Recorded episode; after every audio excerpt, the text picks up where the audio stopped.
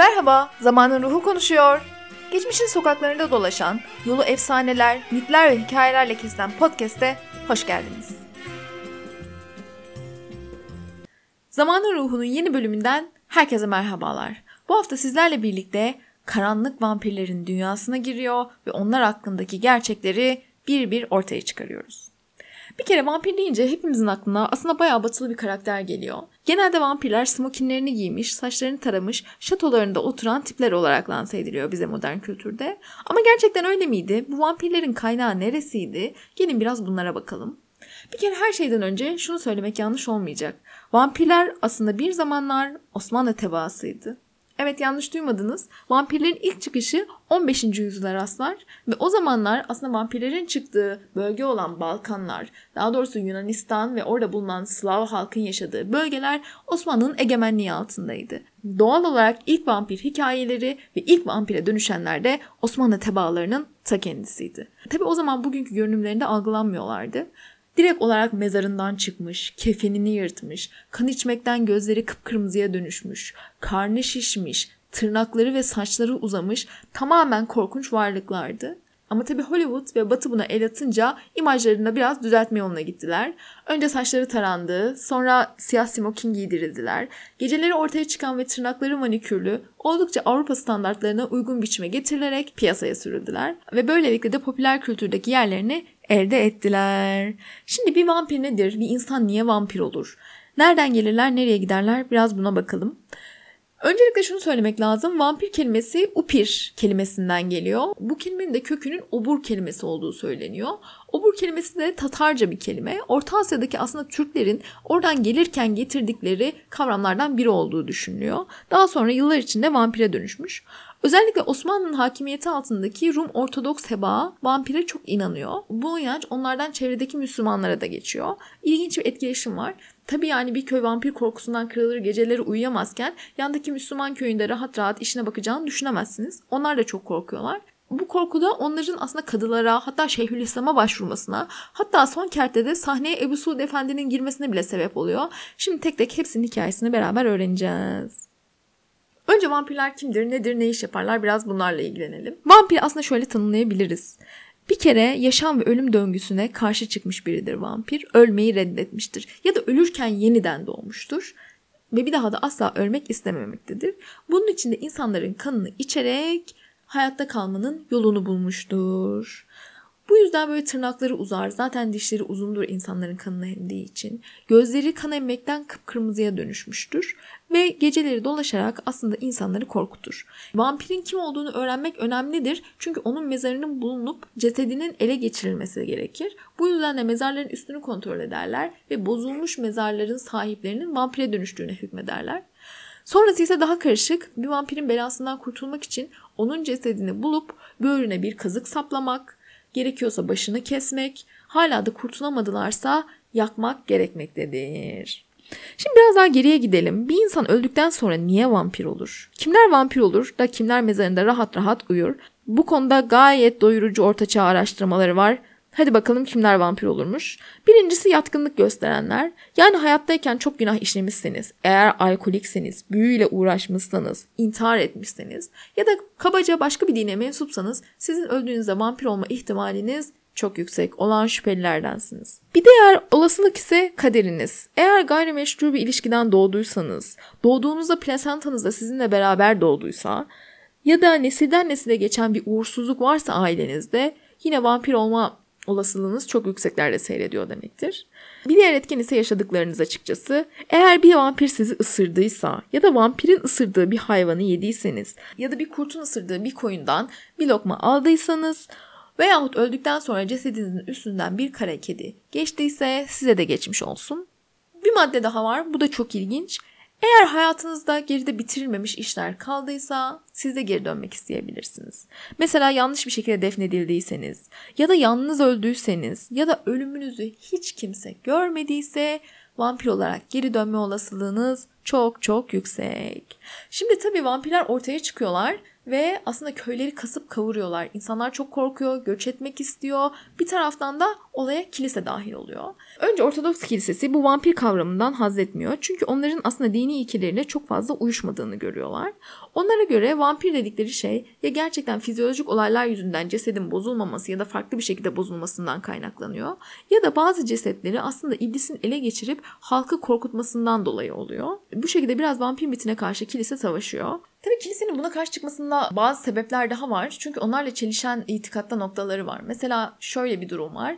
Eğer birisi ölmüşse ve onun cesedi çürümüyorsa aslında bu birçok dinde o kişinin ermiş olduğuna, Hristiyanlıkta da aziz olduğuna işaret eder. Ama halk bunu tamamen farklı algılıyor. Eğer ceset çürümedi ve aynı şekilde kalıyorsa insanlar bunun vampir olduğunu düşünüyor. Burada büyük bir çelişki var. Bir taraftan da eğer bir Hristiyanın cesedini yakarsanız o kişinin cennete gitme olanağını ortadan kaldırıyorsunuz ve o kişi lanetleniyor. Kilise buna da karşı çıkıyor ama uzun zaman buna karşı bir şey yapmak hiç mümkün olmuyor. Ama kilise bakıyor olmuyor. Bu sefer oklarını halka yöneltiyor. Diyor ki eğer bu kadar günahkar olmasaydınız bu vampir belası başınıza gelmeyecekti. Sonra olayı biraz daha entegre olup daha verimli bir açıdan olayı ele almaya başlıyorlar. Diyorlar ki ortada vampir varsa bunun çözümü de tabii ki kilisede. Onlar aslında içine şeytan girmiş cesetlerden başka hiçbir şey değiller. O yüzden birer şeytan çıkarma ayini yaparsak biz bu işi çözeriz. Bunu da kim yapabilir? Tabii ki yetişmiş bir papaz yapabilir. O zaman çare, kilise, kahramanımız da biziz diyerek bu işin içine entegre olup aslında halkın çare aradığı merci haline geliyorlar. Yani ufak bir inovasyon aslında işi çözüyor. Şimdi dedik ya Hristiyan halkın arasında vampir söylenceleri çok yaygın. Tabii ki Müslüman halk da bundan çok etkileniyor ve çok korkuyor. Bu da onların Osmanlı aslında içtihat sistemine vampir söylemini taşımalarına sebep oluyor. Ebu Suud'a yazılan mektuplar var ve onun da fetva verdiği durum var. Üç tane fetvasını biliyoruz biz onun. Müslüman halk ona şöyle yazıyor. Burada bir vampir çıktı. Buna ne yapmak lazım gelir? Eğer Müslümansa o cesede hiçbir şey yapılamayacağını, bir zararında olmayacağını, üstün örtülmesi gerektiğini söylüyor Ebu Suud. Bir fetva daha soruluyor kendisine. Kafirlerin köyünde bir vampir olduğunu, insanları dışarı çağırıp öldürdüğünü, onların da çok korktuğunu, acaba göç etmelerine izin olup olmadığını soruyorlar. Şimdi göç etmek, daha doğrusu göç ettirilen yerlerden dönmek Osmanlı'da ciddi bir suç demek. Ve Ebu Suud burada Allah'a sığınmalarını ve geri dönemeyeceklerini söylüyor. En sonunda bir fetva daha soruyorlar. Diyorlar ki kafirlerden yine bir vampir var. Biz onu def etmek için ne yapmalıyız? Bu sefer artık Ebu Suud da herhalde olaydan bıkmış olacak ki klasik yöntemlere başvurulması gerektiğini söylüyor. Nedir o klasik yöntem? Mezarı açıp göğsüne bir kazık çakmak, başını kesmek, eğer yeni koyulduysa boğmak, başın ayaklarının yanına gömmek vesaire vesaire gibi aslında Ortodoksların da takip ettiği vampirden kurtulma ritüelini takip etmeleri gerektiğini söylüyor. Ama bu fetvanın sadece kafir vampirler için uygulanabileceğini söylüyor. Tabi üstünden yıllar geçiyor ve vampir olayları devam ediyor. Özellikle Edirne'de Bıyıklı Ali diye bir vaka var.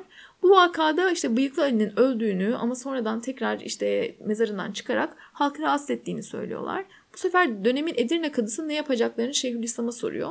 Ebu Suud Efendi'nin fetvaları göz önüne alınarak bu vampirin de bu şekilde işte kazıklanarak, yakılarak vesaire kurtulabileceğine dair bir fetva alınıyor o dönemde.